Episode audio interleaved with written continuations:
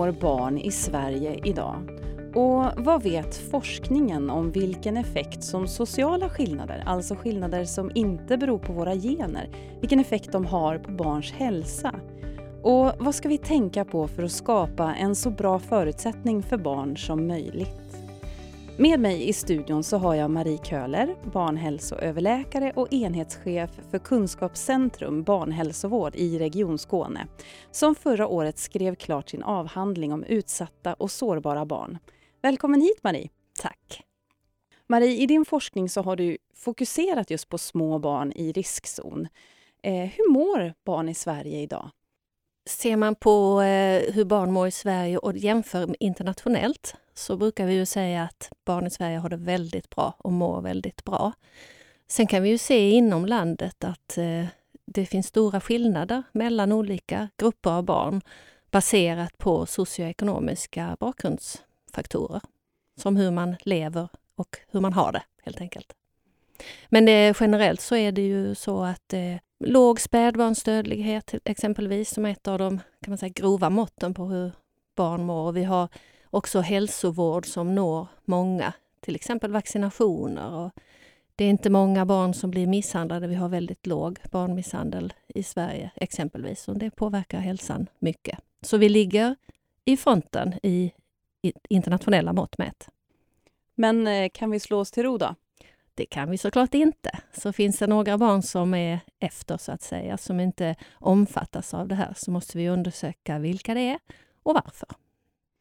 Hur ser trenden ut där när det gäller barn som, som hamnar i utsatthet? Trenden är ju så att sedan 80-talet eh, så har eh, ojämlikheten i Sverige ökat. Vi har fått större och större skillnader mellan olika grupper. Eh, både om vi tittar på barn och, och vuxna, alltså hela befolkningen. Och det är ju någonting man egentligen har varit medveten om. Men nu står vi här liksom och ser att det här gapet är väldigt stort. Hur ser siffrorna ut när det gäller barnfattigdom i Sverige? De ligger ungefär på 12-13 procent, men det här varierar hela tiden med det ekonomiska samhällsläget. Och vi kan se i den, eh, de undersökningar som lyfts fram, bland annat av Rädda Barnen, att när det blir kris ekonomiskt i samhället så är det ofta barnfamiljer som drabbas. Och vad händer då med de, de familjerna och med de barnen? Hur påverkas deras hälsa utav att familjerna utsätts för, för det här? Eh, eh, att leva med knappa ekonomiska förhållanden påverkar vardagen totalt. Jag brukar ibland säga att man, man andas in det, man har det i porerna, man lever med det.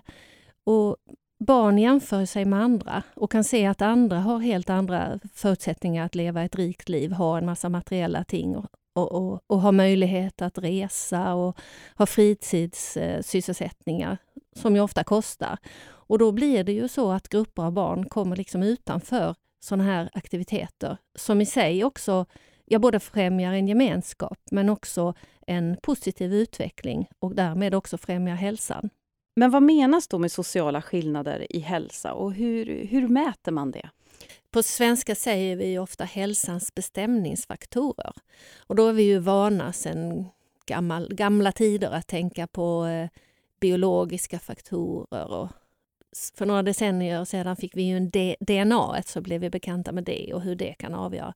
Och genetik och, och biologi då, det, det, påverkar ju en hel del vår, vår hälsa. Men eh, senaste forskningen visar att de sociala förutsättningarna, våra, på det sätt vi lever vårt liv, påverkar i väldigt hög utsträckning vår hälsa.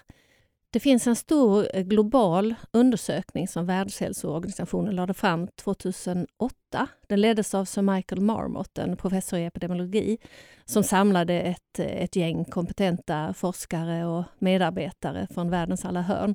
Och I den rapporten som man lade fram, som heter Closing the gap in a generation, så såg man att det fanns stora skillnader baserat på levnadsvillkor. Och det är ju lätt att se om man tittar ut i världen på de stora skillnaderna som finns mellan olika världsdelar, mellan olika länder, men också inom länderna.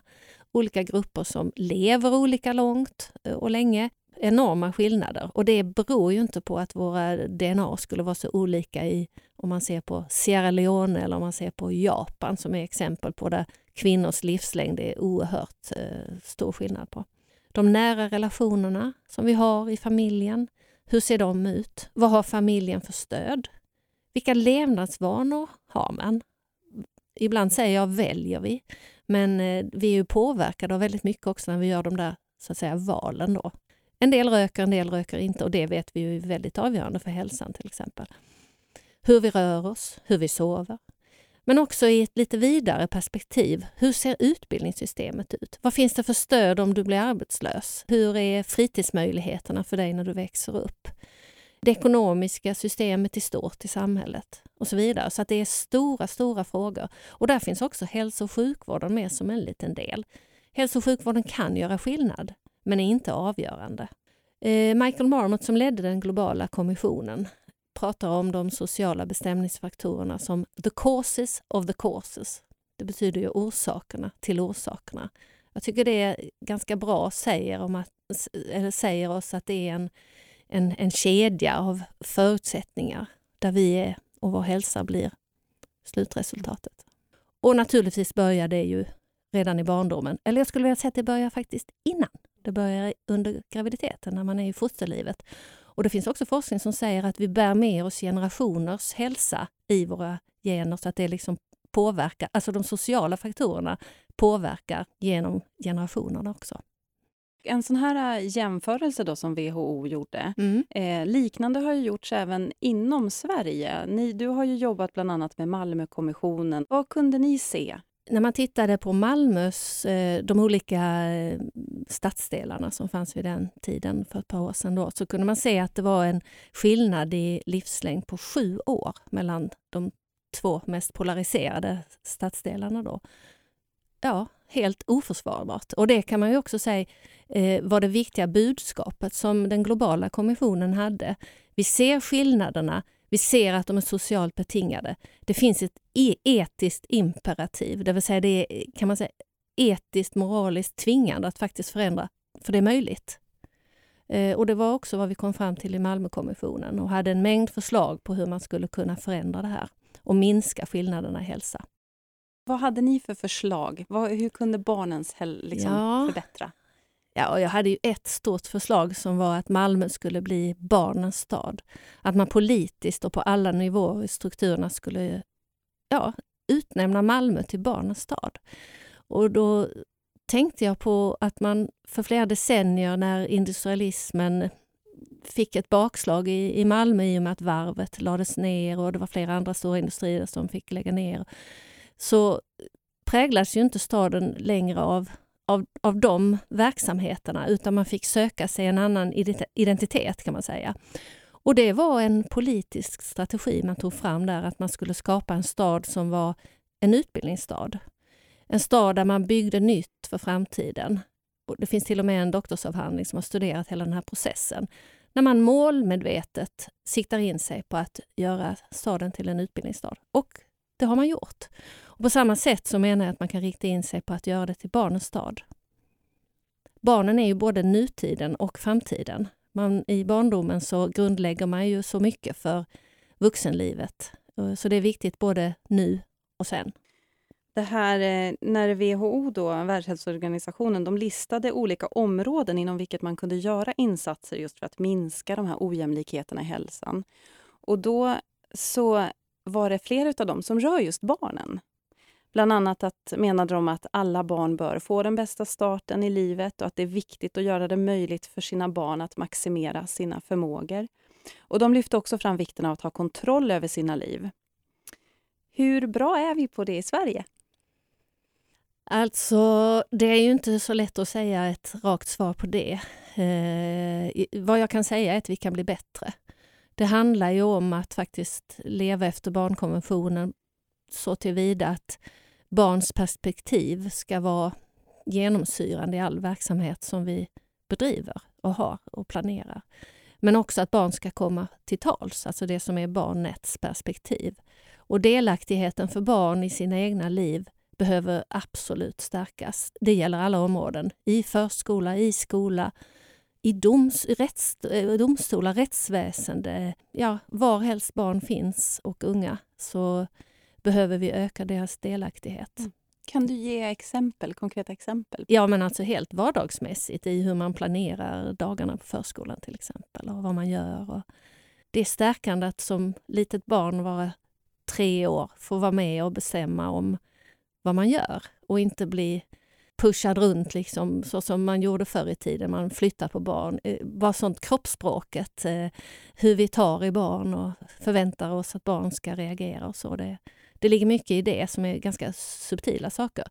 Eh, från den nivån, och jag menar även in i, i familjerna, i relationen mellan föräldrar och barn, så vill vi ju främja ett sorts samarbete där naturligtvis föräldrarna är auktoriteten men där barn också ska få komma till tals och bli lyssnade på. Från det perspektivet ända till att jag faktiskt föreslog att man i kommunalvalet skulle ha rösträtt från 16 års ålder. Varför inte? Men så har det inte blivit riktigt. Nej, tiden är inte mogen.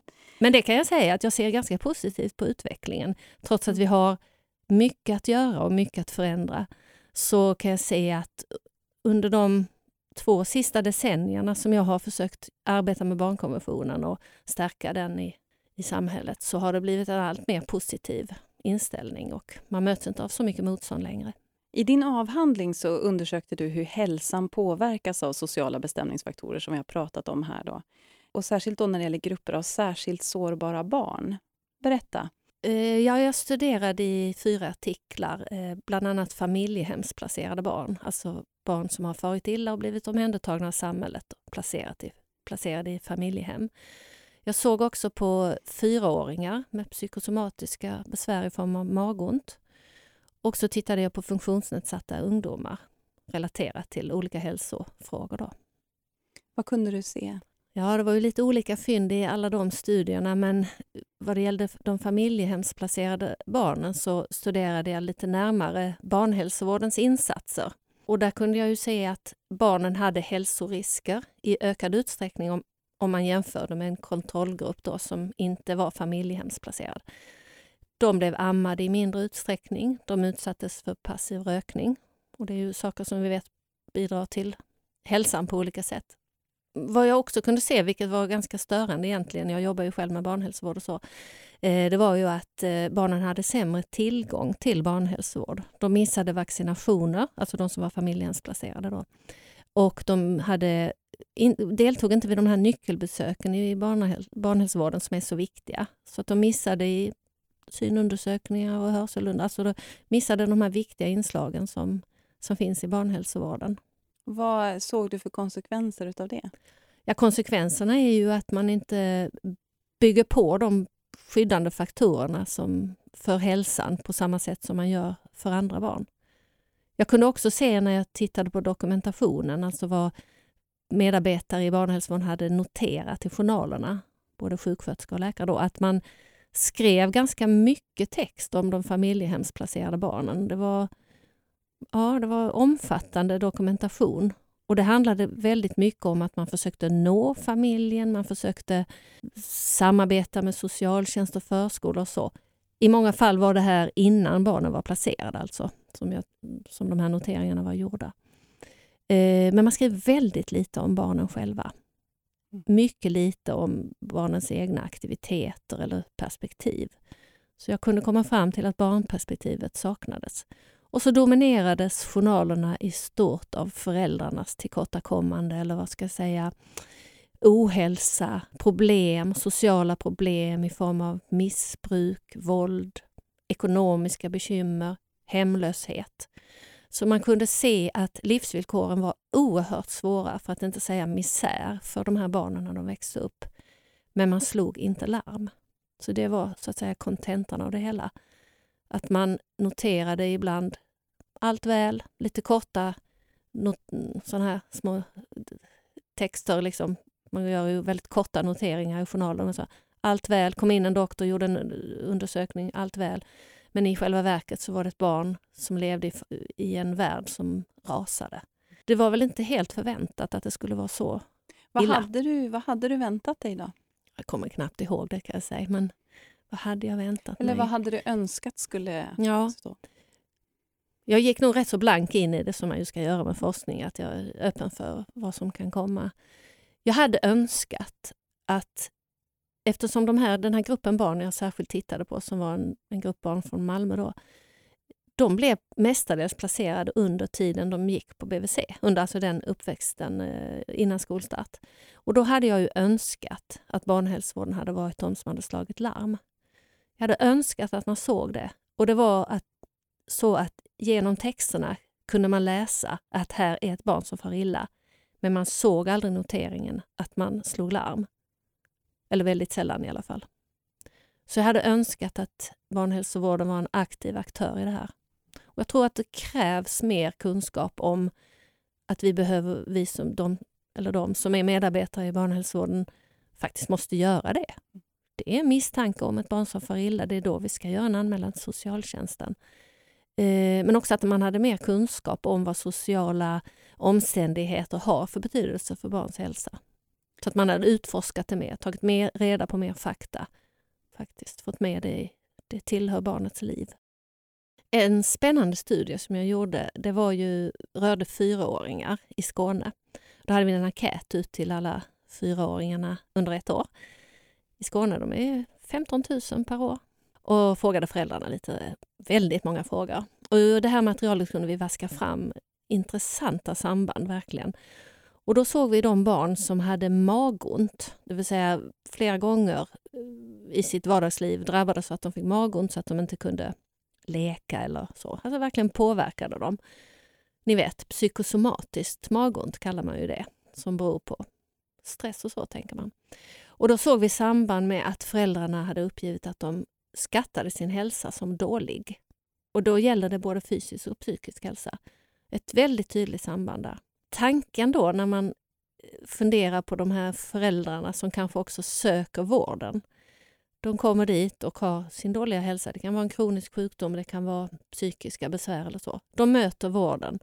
Frågar vården dem om de har barn? Tänker vården på att det finns ett möjligt samband och högst sannolikt samband mellan hur föräldrarna mår och hur barnen mår? På motsvarande sätt tänker vi som är barnläkare när vi träffar barn med magont på att fråga om hur föräldrarna mår. Jag tror att det behövs mer eh, kunskap och mer utforskande samtal där för att faktiskt komma åt kärnan. Min egen erfarenhet som barnläkare eh, är ju att man kanske träffar barn som har mycket magont och så kanske man tar lite blodprov, man undersöker och sådär. Och så visar det sig att man, man hittar liksom ingenting som är kroppsligt fel. Och då lämnar man det och säger beskedet, nej men det var ingenting fel här. Och så gör vi ju ganska ofta inom vården man utesluter något kroppsligt och så får man, den patienten, barnet, vem det nu är, gå hem och försöka leva med det här och, och, och vi kommer liksom inte vidare. Och psykosomatiska symptom är ju bland alla de saker som faktiskt ökar, som är det som är det alarmerande med barns hälsa. I början var vi inne på att svenska barn, eller barn i Sverige, mår väldigt bra. Men det som är alarmerande är att den psykiska ohälsan ökar. Det har varit särskilt bland tonårsflickor, det kommer mer bland tonårspojkar också. Och de psykosomatiska problemen ökar väldigt. Det här med, med barn och ungdomars psykiska ohälsa, att det ökar. Vad, vad, vad kan man säga om den?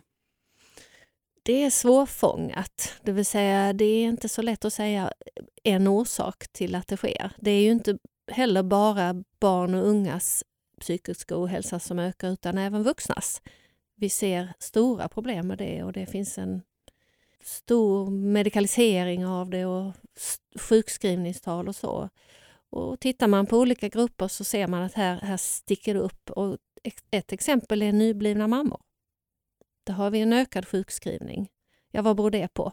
Det får man ju fundera på, eh, vad som händer i, i den omställningen att få barn. Och då, då, kommer vi in på faktorer som rör arbetsdelning i hemmet, ansvar för barn och hushåll och arbetsmarknaden. Så att jag tror att både vad det gäller barn och vuxna så är det mångfacetterad orsaksbakgrund.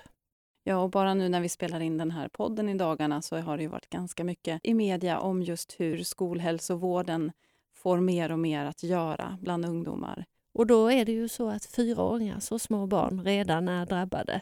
Och vi behöver se vad de har för levnadsvillkor. För jag fick, fick också i studien fram att det fanns ett samband med våld i hemmet.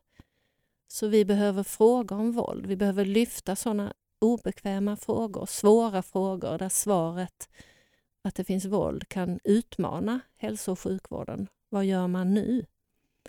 Och ha, mm, det kan finnas en hel del farhågor och tillkortakommande mm. kring det här samtalet som ju är så viktigt. Jag tänker på att det kanske finns eh, andra som lyssnar på podden som inte jobbar inom barnhälsovården men som kanske tänker på något barn i sin närhet eller runt omkring. Eh, vad, vad kan man göra om man misstänker att ett barn far illa? Ja, jobbar man med barn så har man ju skyldighet att göra en anmälan vid misstanke eller om man vet att ett barn far illa och då ska man göra det genast. Man ska inte utreda, man ska inte skaffa mer fakta. Eh, man kan i de fall inte barnet är hotat av det berätta det för föräldrarna. Men man kan alltid samråda med eh, socialtjänsten hur man ska gå vidare och få råd om hur man gör. Eh, man kan inte göra det anonymt, utan det ingår i vårt tjänsteuppdrag att, att göra sådana saker. Men är man en människa i privatlivet, en, en vanlig människa som kanske bor granne med någon och man hör att det bråkas i en lägenhet bredvid, man hör ett barn som skriker, så ska man absolut slå larm. Det finns en uppmaning till människor att, att reagera. Man är då inte skyldig att uppge vem man är när man gör en sådan anmälan. Men man har det finns en ambition att vi i samhället mycket tidigare ska upptäcka och hjälpa de barnen som, som behöver stöd och hjälp. För det hela handlar ju om att barn ska få hjälp. Det kan bli att familjen får stöd och reda ut situationen. Och ibland så blir det att barnen under en period eller kanske för resten av livet, sin uppväxt, får bo på annat ställe. Det beror på. När vi träffades eh, innan här så berättade du om Mosippan. Ja. Mosippan är ett boende i Malmö som är ägnat eh, hemlösa barnfamiljer. Och för en sådär 13 år sedan så blev vi uppmärksammade, jag och några kollegor till mig, om att ja, det var barn, sjuksköterskor från BVC som hade varit på hembesök och de var djupt oroade över hur le, eh, livet såg ut för barnen som bodde där. Det var 120 barn med familjer som bodde där. Väldigt, väldigt trångt väldigt, väldigt nedgånget område. Det var baracker som var trasiga, det hängde lösa kontakter och det var inga brandvarnare där och det var väldigt förfallet. Man fick nästan en känsla när man kom dit att man var i ett annat land. Och Faktum är också att de som bodde där ofta kom från andra delar av världen. Merparten gjorde det, hade kanske kommit på flykt eller som in, invandrade till Sverige men inte fått någon bostad. Och Det var det de hade gemensamt. Och Förutom det så hade de gemensamt att de var fattiga i en väldigt svår och utsatt eh, situation, alltså familjerna som helhet och saknade stöd och, och det var verkligen en, en uppgiven stämning i området. Jag kom från barnhälsovården och BVC-sjuksköterska hade jag med mig och så var det en skolläkare med och från tandvården hade vi också tandläkare med och skolsköterska. Så vi var ett litet gäng som bestämde oss för att nu ska vi prata med alla barnen här och deras föräldrar och vi ska ta reda på hur de mår. Hur mår de och har de fått den hälso och sjukvård de har rätt till? Och många barn mådde dåligt på olika sätt och behövde remisser till olika ställen inom vården. Behövde också eh, socialt stöd, hjälp med att kunna komma till skolan som nu ofta låg långt ifrån det här området. Och det var en massa praktiska problem i vardagslivet för familjerna. En del barn behövde uppvaccineras, få de vacciner som man brukar få, som de hade missat. Ja, det var det ena med det tredje, det var ganska mycket. Och föräldrarna ville verkligen sina barns bästa. De var tacksamma och ville ha hjälp. Så det var inte något motstånd där. Och eh, där kunde man verkligen se att systemet fallerade för de här familjerna som då var i socialtjänstens beskydd eftersom de var hemlösa. Så vi slog larm också till eh, staden och man gjorde en omfattande ombyggnation och byggde bättre hus. Samtidigt låg det här området fortfarande en stenkast utanför och långt borta från allt annat. Så att det är svårt att, att leva ett, eh, ett bra vardagsliv där när man bor där. Staden gjorde en uppryckning och, och så här ville man väl egentligen inte ha det. Det som är desillusionerande är ju att eh, sedan dess har kommit än fler hemlösa barn just i staden Malmö och även över hela Sverige. Vi ser alltså att situationen förvärras för många barn. Barn vräks, påverkas av räkningar och hemlösheten ökar. Om du fick nämna något som skulle kunna förbättra för just de barnen, vad skulle det vara? Man skulle kunna ge dem mer stöd med att klara av vardagssituationen. Just det här med transporter och det är så enkla grejer som busskortsproblem och ja, det är mycket ekonomiska bekymmer och så. Eh, men sen tänker jag väl att eh, en solklar lösning är ju fler bostäder. Så det, ligger, det, det är det som händer hela tiden, att lösningarna ligger ofta på ett strukturellt plan. Och med det säger vi tack till dig, Marie Köhler, för att du ville komma hit och berätta mer om din forskning och om ojämlik hälsa. Tack så mycket. Några dagar efter att den här podden släpps så ger vi ut en tidning som handlar just om barns hälsa och trygghet. Och där kan du läsa mer om forskning som rör barn upp till 10 år. Vi har träffat forskare och intervjuat dem om ADHD, barncancer, kirurgi vid medfödda missbildningar och vi pratar om diabetes typ 1 och mycket, mycket annat. Från mitten av maj så finns tidningen tillgänglig som pdf på vår hemsida www.vetenskaphalsa.se. Du har lyssnat på en poddserie om forskning som produceras av redaktionen vid Aktuellt om vetenskap och hälsa. Mer information finns på vetenskaphalsa.se. Du kan också följa oss på sociala medier.